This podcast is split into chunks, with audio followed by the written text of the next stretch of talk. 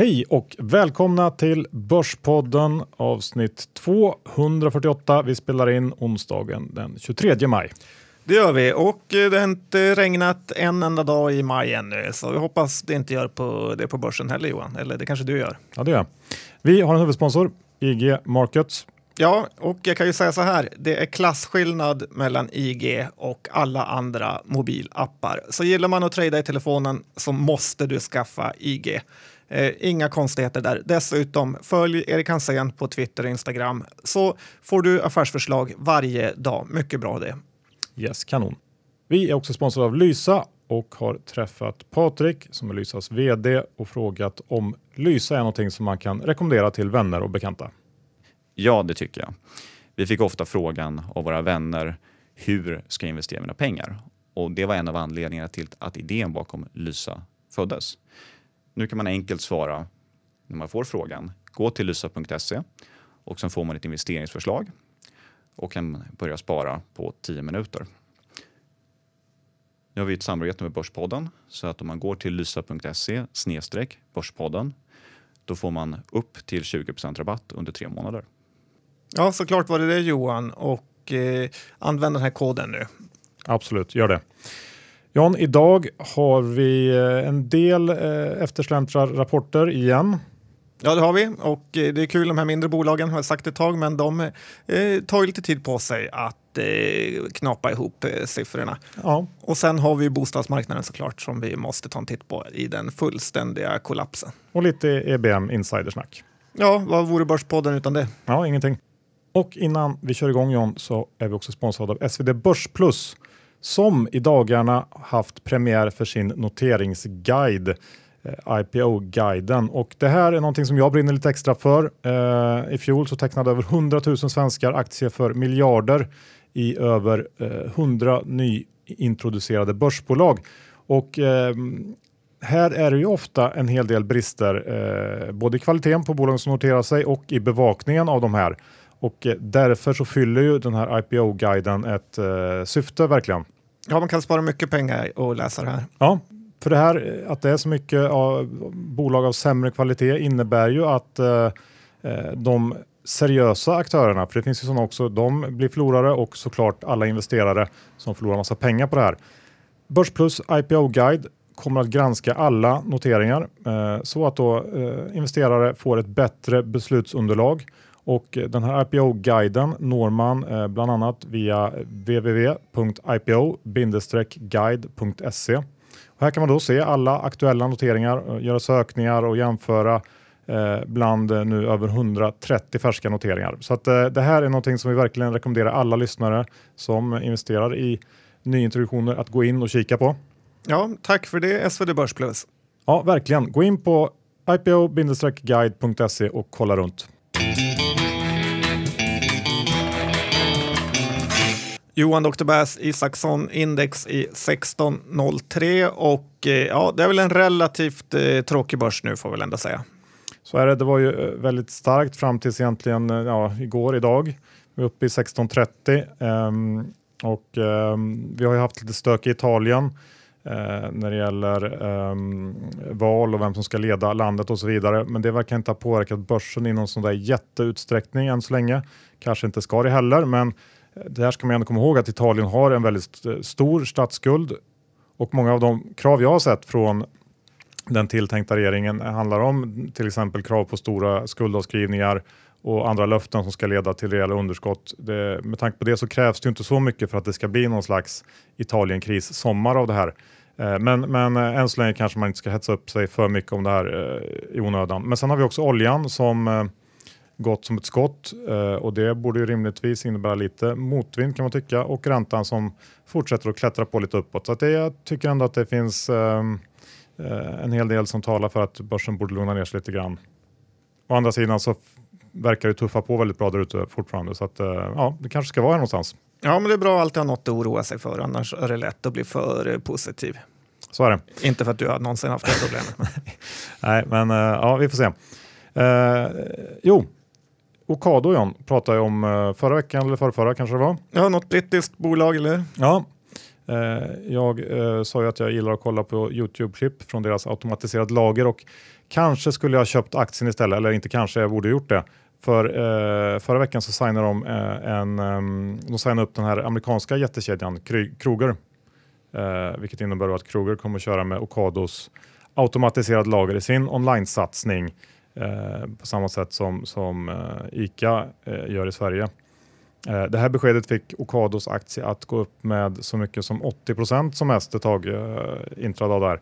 Ehm, och precis som ICAs fall så, så, är det här avtalet exklusivt för Kroger i USA, vilket väl är bra för dem. Och ja, jag hoppas att man kan ge Amazon slash Whole Foods en match här eh, faktiskt. Ja, Kroger är ju i övrigt ett ganska kackigt bolag som består av liksom 100 000 ICA-nära. Men eh, visst, kul att Ocado går bra. Ja. Um, vi går över till uh, insidergrejer. Uh, Cherry, igår så kom den här nyheten att uh, vdn Anders Holmgren utreds av EBM för misstänkt insiderbrott i samband med den här magkänslan han hade som vi har pratat om en del. Och det är väl eh, skönt att se att man i alla fall försöker sätta stopp för sånt här. Eh, sen har ju magkänsla Anders haft ganska lång tid på sig att städa, eh, om man säger så. Så vi får se om man lyckas få fast honom. Men ehm, jag hoppas det. Och sen kan jag också tycka att det här rimligtvis borde bli ett ganska rejält minus på Cherrys corporate governance-konto, vilket man ändå inte ska underskatta. Eh, det finns eh, en hel del aktörer, kanske framförallt institutionella, som eh, inte vill, vill ha aktier i bolag med den här typen av ledning. Fula fiskar. Ja, I USA säger man ju att polisen finns där att to protect your rights, brukar de säga i filmer. Och i Sverige så kan man ändå tycka att EBM har tagit till sig det här uttrycket fast helt tvärtom. Eh, de borde ju finnas till för att skydda småsparare, men istället har de under kanske de senaste tio åren bara jagat det här småfolket. De har skyddat storfinansen och aktierobotar, men de har valt att liksom gå på helt vanliga människor för mikroskopiska överträdelser, a.k.a. tickningar. Men som du sa nu så vet man inte riktigt vad som hänt här. De kanske har sett Billions, vad tror du om det? Och vill vara som Chuck, jag hoppas det. Eller så har de ju fått en ny chef. Det har ju varit mycket idé i vilket eh, katastrofklimat det är på EBM. Men det här är ju ändå en publikfriare av eh, större mått. Eh, så att, ja, ett steg i rätt riktning Johan. Det kanske finns hopp även där. Ja, kanske. Det är, det är kul att se. Och sen så tycker jag också att det borde vara jag har ju sett på sociala medier att visst, det finns ju en hel del som, som har varit kritiska till eh, vdn, men det finns ju också de som inte riktigt förstår varför det här skulle vara fel. Eh, varför skulle inte han få köpa aktier? Det var, det var mer än 30 dagar innan rapport och så vidare.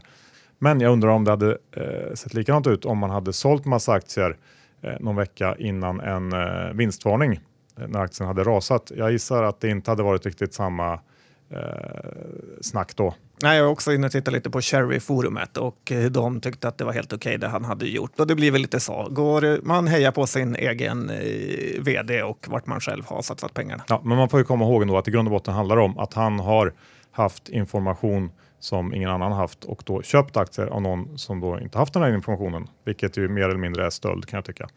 Så att, eh, Oskyldig till motsatsen har bevisats Johan. Inte hos mig. Okay tuffa krav. Vi går över till bostadsmarknaden John. Ja, men det ska vi göra och eh, det här är något som är totalt iskallt nu och eh, det går inte att sälja någonting eh, överhuvudtaget här och Eh, Eh, fortsätter det så här så kan man väl säga att prisfallet egentligen bara har börjat. Eh, för det är förmodligen, som det alltid är i sådana marknader, att eh, det är bara de bästa objekten som går först och där priserna fortfarande är relativt höga.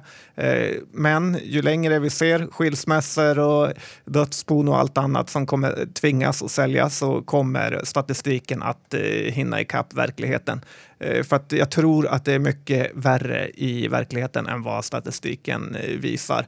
Eh, och vad gäller de här nybyggnationerna så är det nog helt eh, nattsvart här skulle jag säga. Om jag satt på ett eh, nybyggnadskontrakt så skulle jag göra precis allt för att komma ur det. Och ja, det är min rekommendation här, för det finns inget positivt med ett sådant kontrakt nu. Och vad beror den här kraschen på då?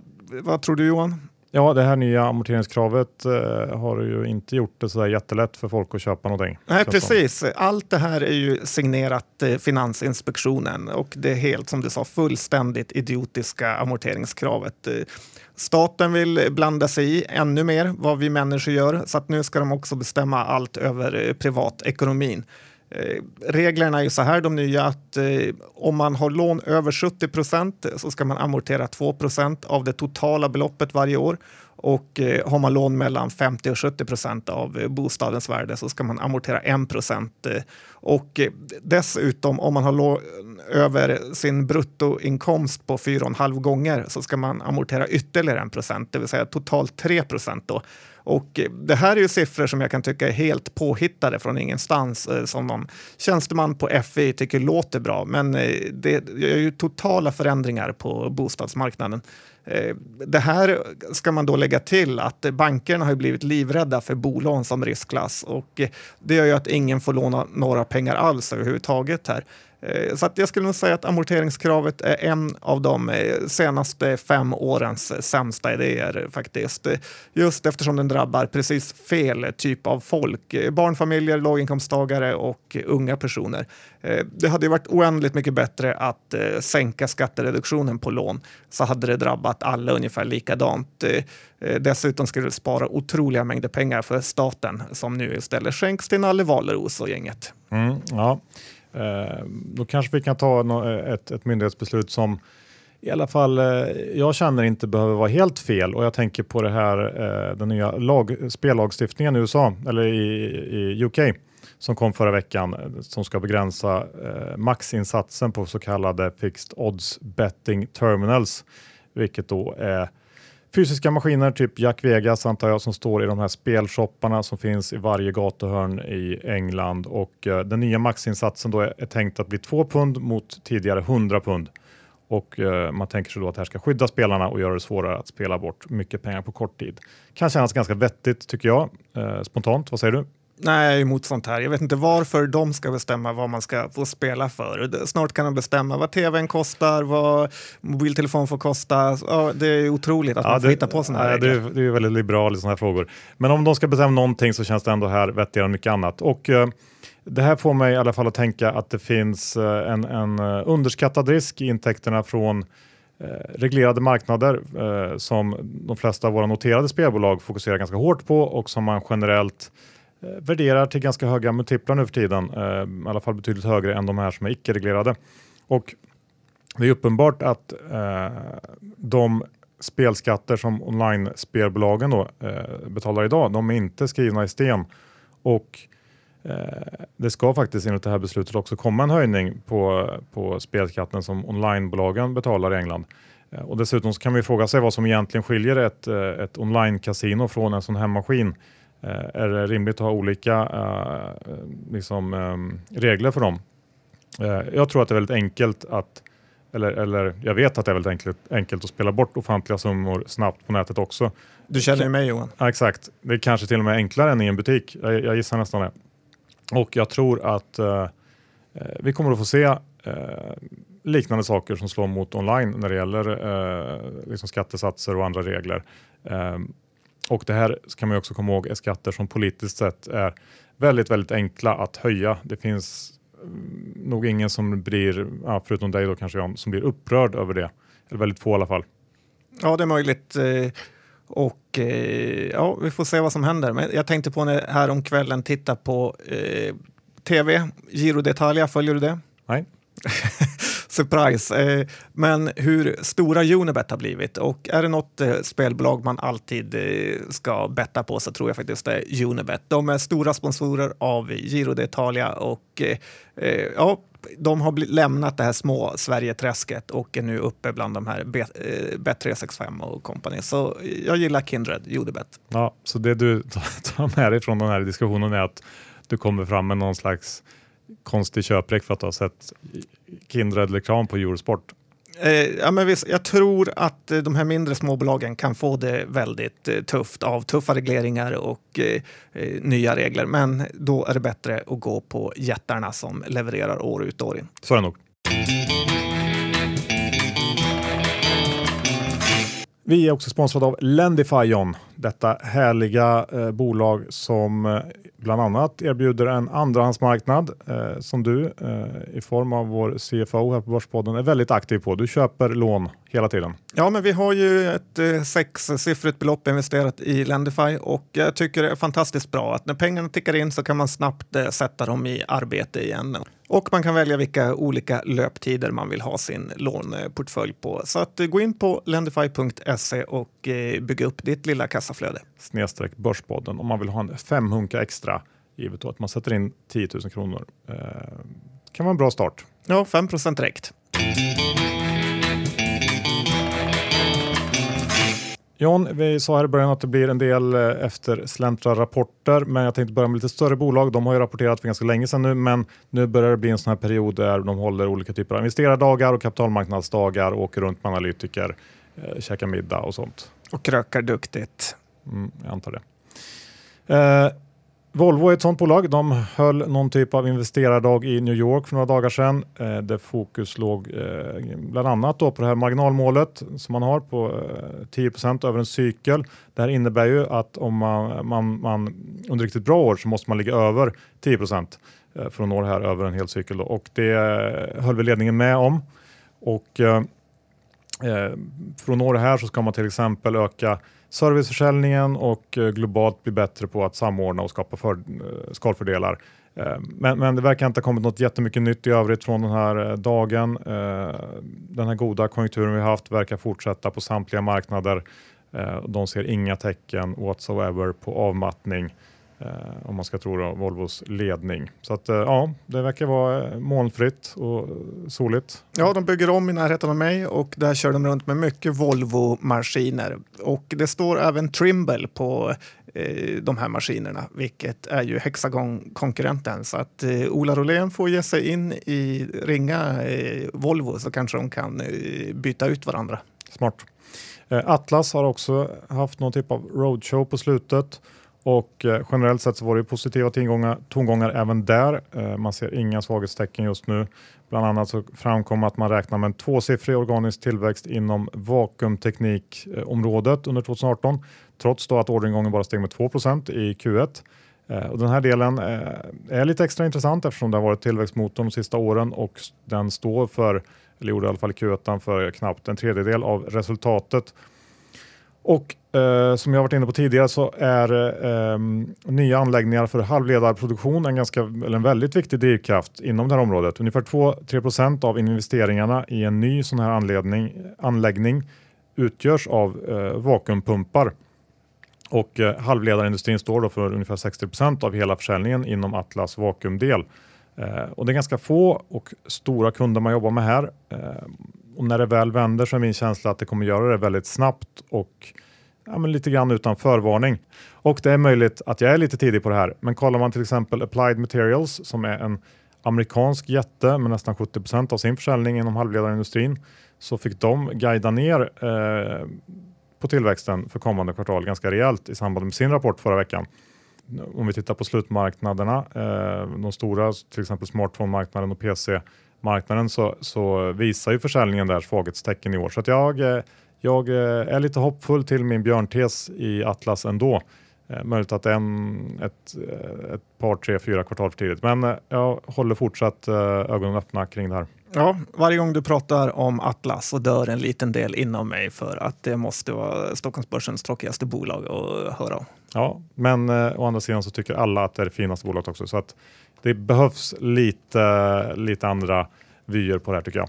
Vi går över till något annat som också skulle kunna utnämnas till Stockholmsbörsens absolut tråkigaste bolag. Jag tänker på Prevas, det lilla konsultbolaget som inte gjort någon glad. Ja, det kan du ha rätt i. Det är lite bortglömt också eftersom den har underpresterat under så lång tid. De har ju kanske börsens lägsta price sales-tal av konsulterna, men ofta är ju saker billiga av en anledning och Prevas har ju verkligen underpresterat i princip för alltid.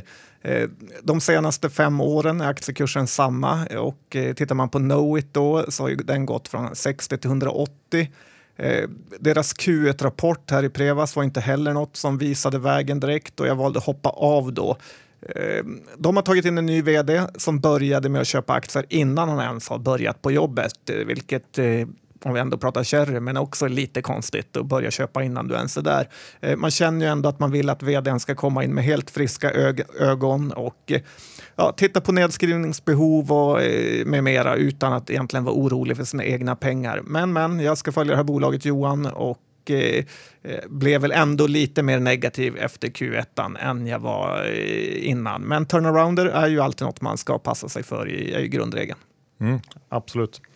Eh, vi går över till flygbolagen, både eh, SAS och Norwegian. Ja, de är ju på, liksom, uppe i ropet nu, framförallt Norwegian med de här budspekulationerna. Men, ja, jag, fick ju, jag har ju fått en hel del skit där för att jag sa att eh, Norwegian inte skulle klara sig så länge till och var allmänt arg. Kanske lite färgad av att de förstörde en dag på min semester under påsklovet med förseningar och så vidare. Men, men ett bud kan man aldrig förutse. Nej, i och för sig de bilderna du skickade från ölbistron på Arlanda kändes inte som att den semesterdagen var helt förstörd. Men, men. Eh, och eh, SAS har ju hängt med uppåt i det här eh, eh, budstriden och det tycker jag är lite märkligt. För både Norwegian och SAS har väl överlevt båda två för att de varit liksom relativt dåliga eh, konkurrenter mot varandra. Eh, alltså dåliga bolag. Och nu, om man nu får in en proffsägare i Norwegian med stora finansie finansiella muskler eh, så kan ju SAS få det betydligt eh, tuffare.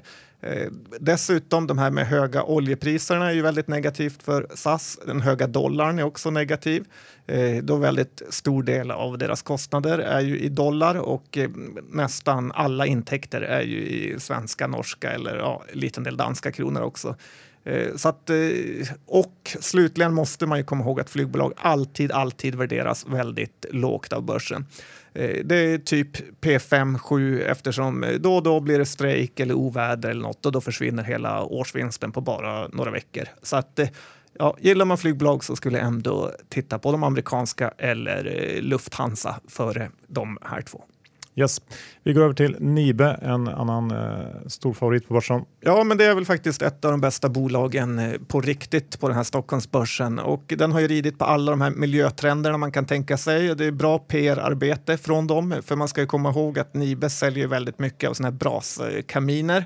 Eh, jag har själv en sån som faktiskt är väldigt bra och eh, problemet med de här bras är ju att de släpper ut väldigt eh, stora mängder koldioxid när man sitter och eh, nöjeseldar ved. Eh, och, eh, jag är väl i grunden inte den som är den, så att eh, man gillar ju Nibe och eh, det här med, som är jobbigt för SAS med högre oljepris är ju väldigt bra för Nibe med det, alla deras olika värmepumpar. Så att eh, ja, Nibe är något för den långsiktiga portföljen. P-talet är ju alltid högt här, men under P25 på en eh, svindyr börs eh, känns ju ändå okej okay i det långa perspektivet. Så att eh, går det ner är det bara att köpa mer. Mm, okay. Eh, sen eh, är det lite, har det varit lite islossning för priser på den amerikanska marknaden äntligen, eller? Ja, pricker som de coola grabbarna säger. Och det här är ju bolaget man ofta ska, eller aktier ska man säga, som man ska sälja in i nyheter. Eh, de brukar alltid få överdrivna uppgångar och eh, de gör ju elektroniska prisetiketter om, för den okunnige kan jag väl säga. Alltså om man inte visste det. Och eh, de fick nu en jätteorder av amerikanska Best Buy och det är väl USAs Elgiganten. Eh, Pricer har ju en spännande idé med att eh, sådana här jättekedjor ska ha, kunna ha samma priser på hyllan i butiken som de har på nätet. Och, eh, eh, och om man ska ändra så ska det kunna gå väldigt eh, fort. Och har man tusentals butiker så vill man inte skicka ut liksom 8000 etikettklistrare som eh, eh, ändrar etiketterna i butiken, utan det kan man göra med ett litet eh, knapptryck från huvudkontoret. Eh, så det är rätt eh, smart idé tycker jag.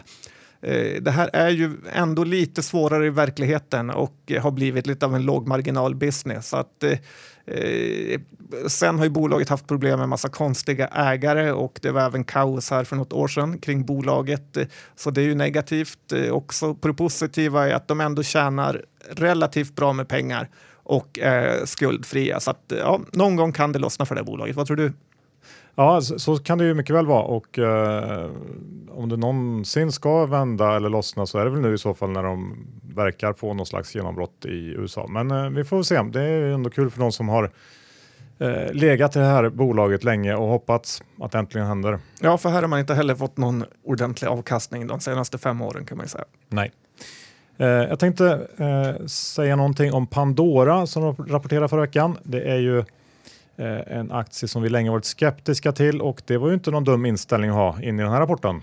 Nej, verkligen inte. Nej, den tappar 15 procent, bland annat på grund av svag eh, like-för-like-försäljning i de fysiska butikerna och en knackig utveckling framförallt Kina där man verkar ha, i alla fall enligt ledningen, stora problem med kopiering och svartmarknad.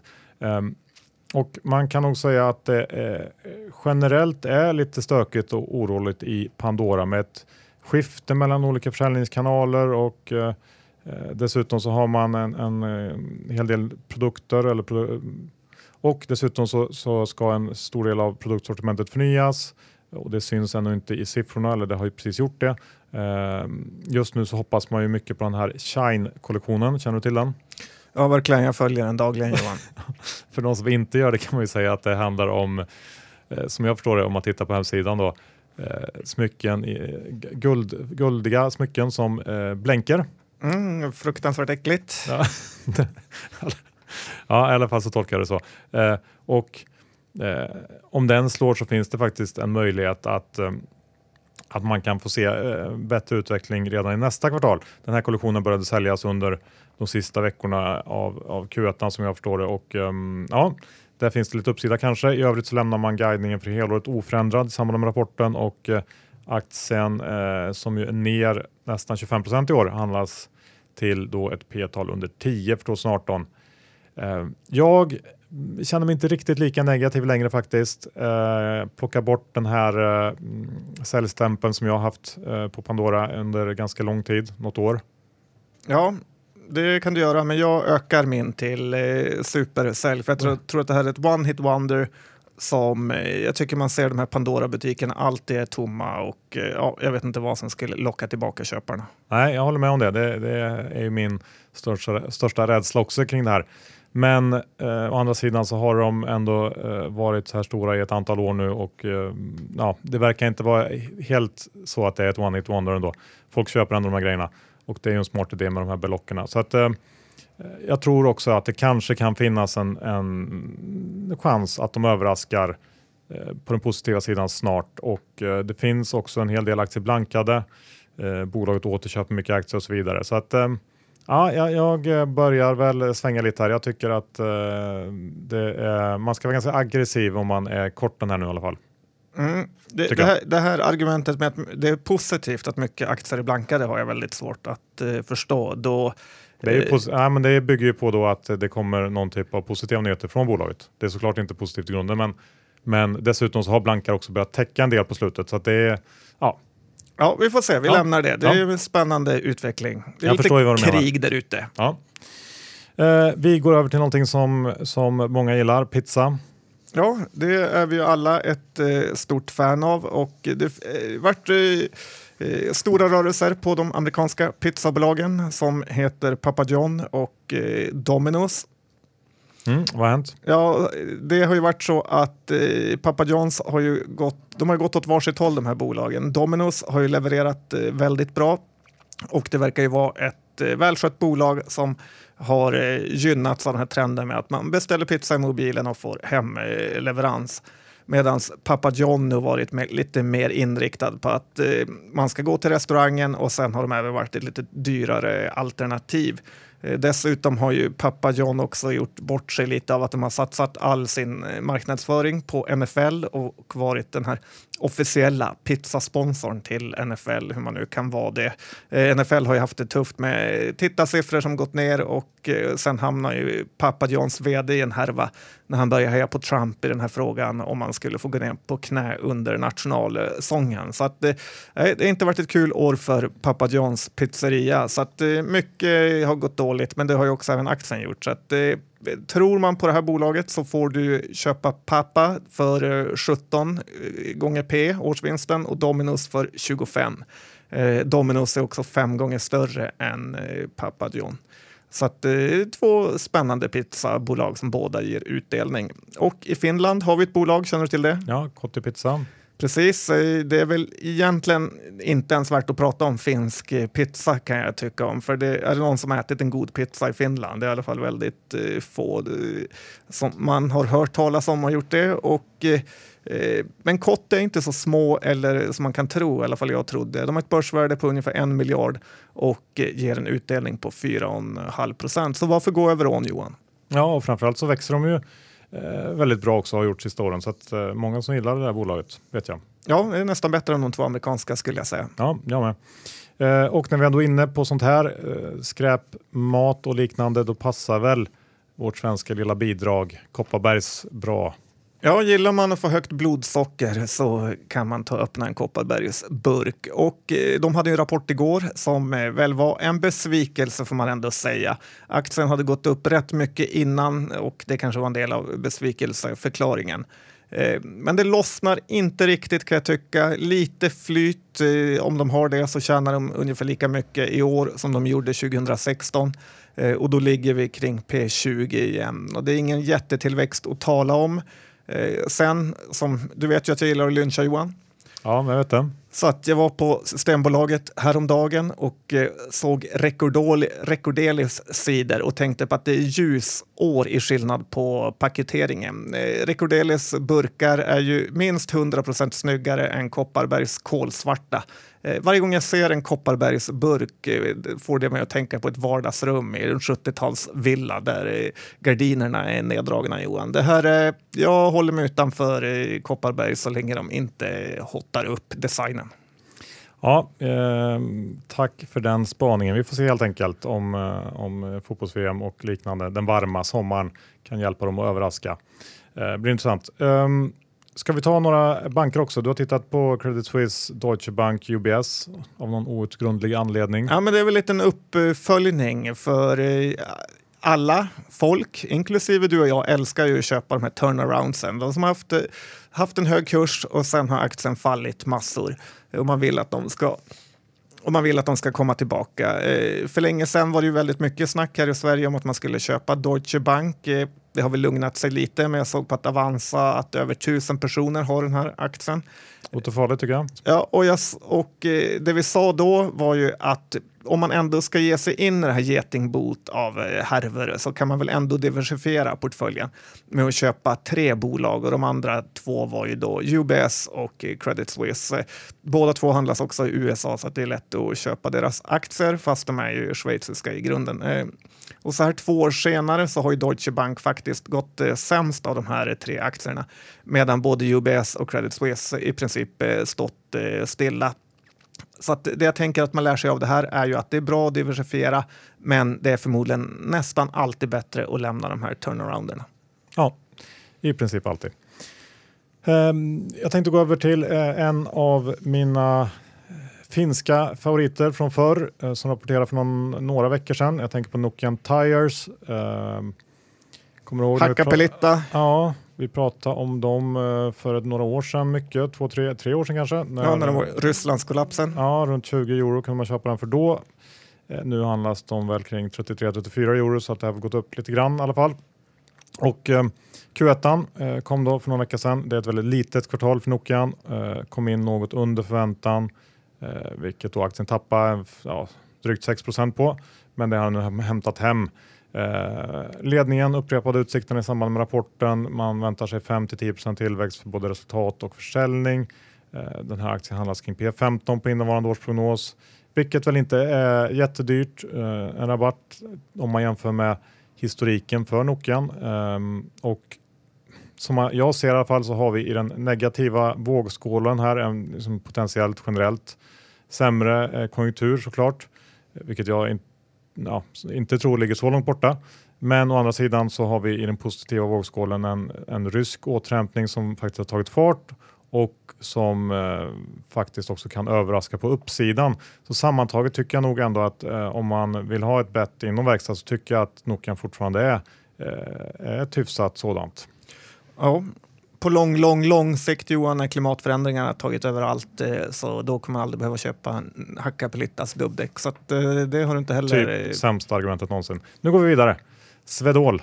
Ja, då ska vi också vara lite tvärt emot här, för många hyllar det här bolaget och jag har svårt att förstå varför. Eh, hur man kan hata Clas Olsson, vilket alla gör, men man älskar ett bolag som säljer typ lika, liknande saker i alla fall. Men lägg också dessutom till att de har en stor del kläder. Eh, eh, visserligen är det mestadels proffsen inom situationstecken som de säger, men ändå. Eh, huvudägarna har ju velat komma ur det här och det kanske finns en anledning till det.